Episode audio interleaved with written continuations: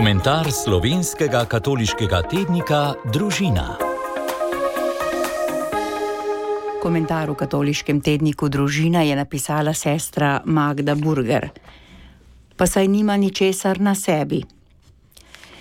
Le kdo med nami se ne spomni stavka iz znane Andersenove pravljice Cesarjeva nova oblačila. Sleparja, ki sta se izdajala za tkavca, sta prišla v cesarsko mesto. Verjetno bi lahko špekulirali, da sta bila to najmanjši možni odstotek vseh prisotnih v mestu. Vendar sta prepričala cesarja, dva ministra, dvorjane in vse, ki so se bali, da bi izpadli neumno in neprimerno za zaupano jim delovno mesto. Prepričala sta jih, da tketa in šivata najlepše oblačilo za cesarjevo slavnostno procesijo. Ko je tkanino pogledal eden izmed modrih ministrov in ni ničesar videl, si je rekel: Mar sem neumen? To seveda ni hotel biti, zato je hvalil nič. Prav tako drugi in tretji in celo sam cesar. Nihče ni hotel priznati, da ničesar ne vidi, ker bi sicer veljal za neumnega.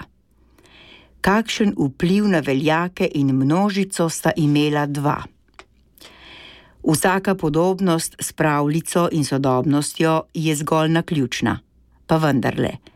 Človek se pogosto sprašuje, kdo sem, komu pripadam. Včasih leta išče odgovor na eksistenčna vprašanja. Kar te ne ubije, te okrepi, so rekli stari, in tako so generacije rasle tudi v prostoru na sončni strani Alp. A našel se je odstotek ljudi, ki so začeli govoriti: Zakaj bi se trudili? Rešitve in stiske moramo rešiti takoj.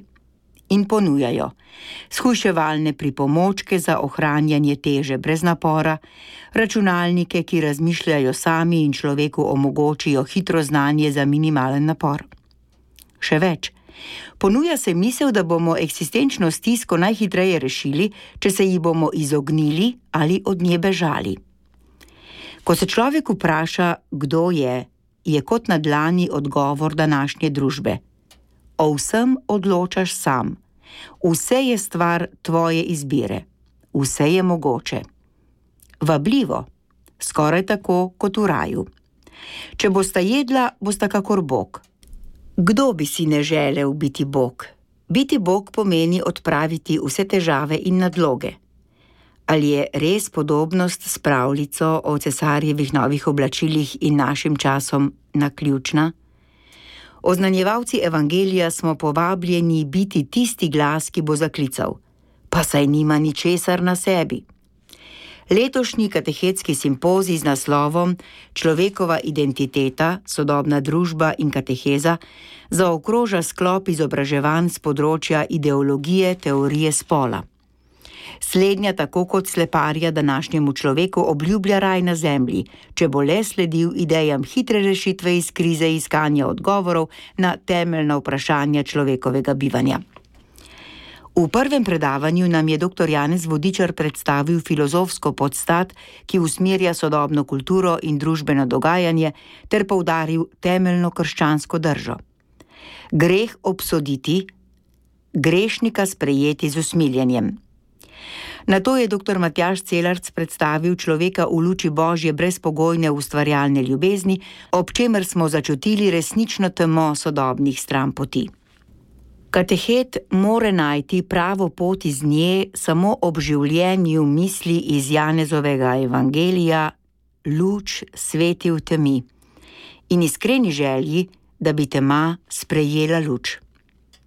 Tretji večer smo prisluhnili pričevalcem, ki živijo svojo poklicanost tako, da z besedo in zgledom osvetljujejo pot. Dr. Anton Meden na področju šolstva in opolnomočenja staršev, ki v svetih staršev bdijo nad prisotnostjo zdravega razuma v šolah, magistr Pater Tomaž Mikuš, ki v prizadevanju za preventivo bdi nad svetostjo telesa in svari pred vsemi vrstami zlorab, ter magistr Nejc Povirk, ki kot oče, znanstvenik in prostovoljec kaže, da se da, če mi je mar. Simpozijsko dogajanje smo končali, a odmevalo bo tudi v nadaljnih programih slovenskega katehetskega urada. Kako dobro bi bilo, če bi tako kateheti, katehisti in katehistinje, kot vse božje ljudstvo, povzdignili svoj glas in rekli: Ideologija teorije spola nima resnične prihodnosti, resnična prihodnost človeštva je v priznanju Boga stvarnika in človeka, soodgovornega za dobrobit stvarstva. Zapiše v komentarju sestra Magda Burger. Komentar slovenskega katoliškega tednika Družina.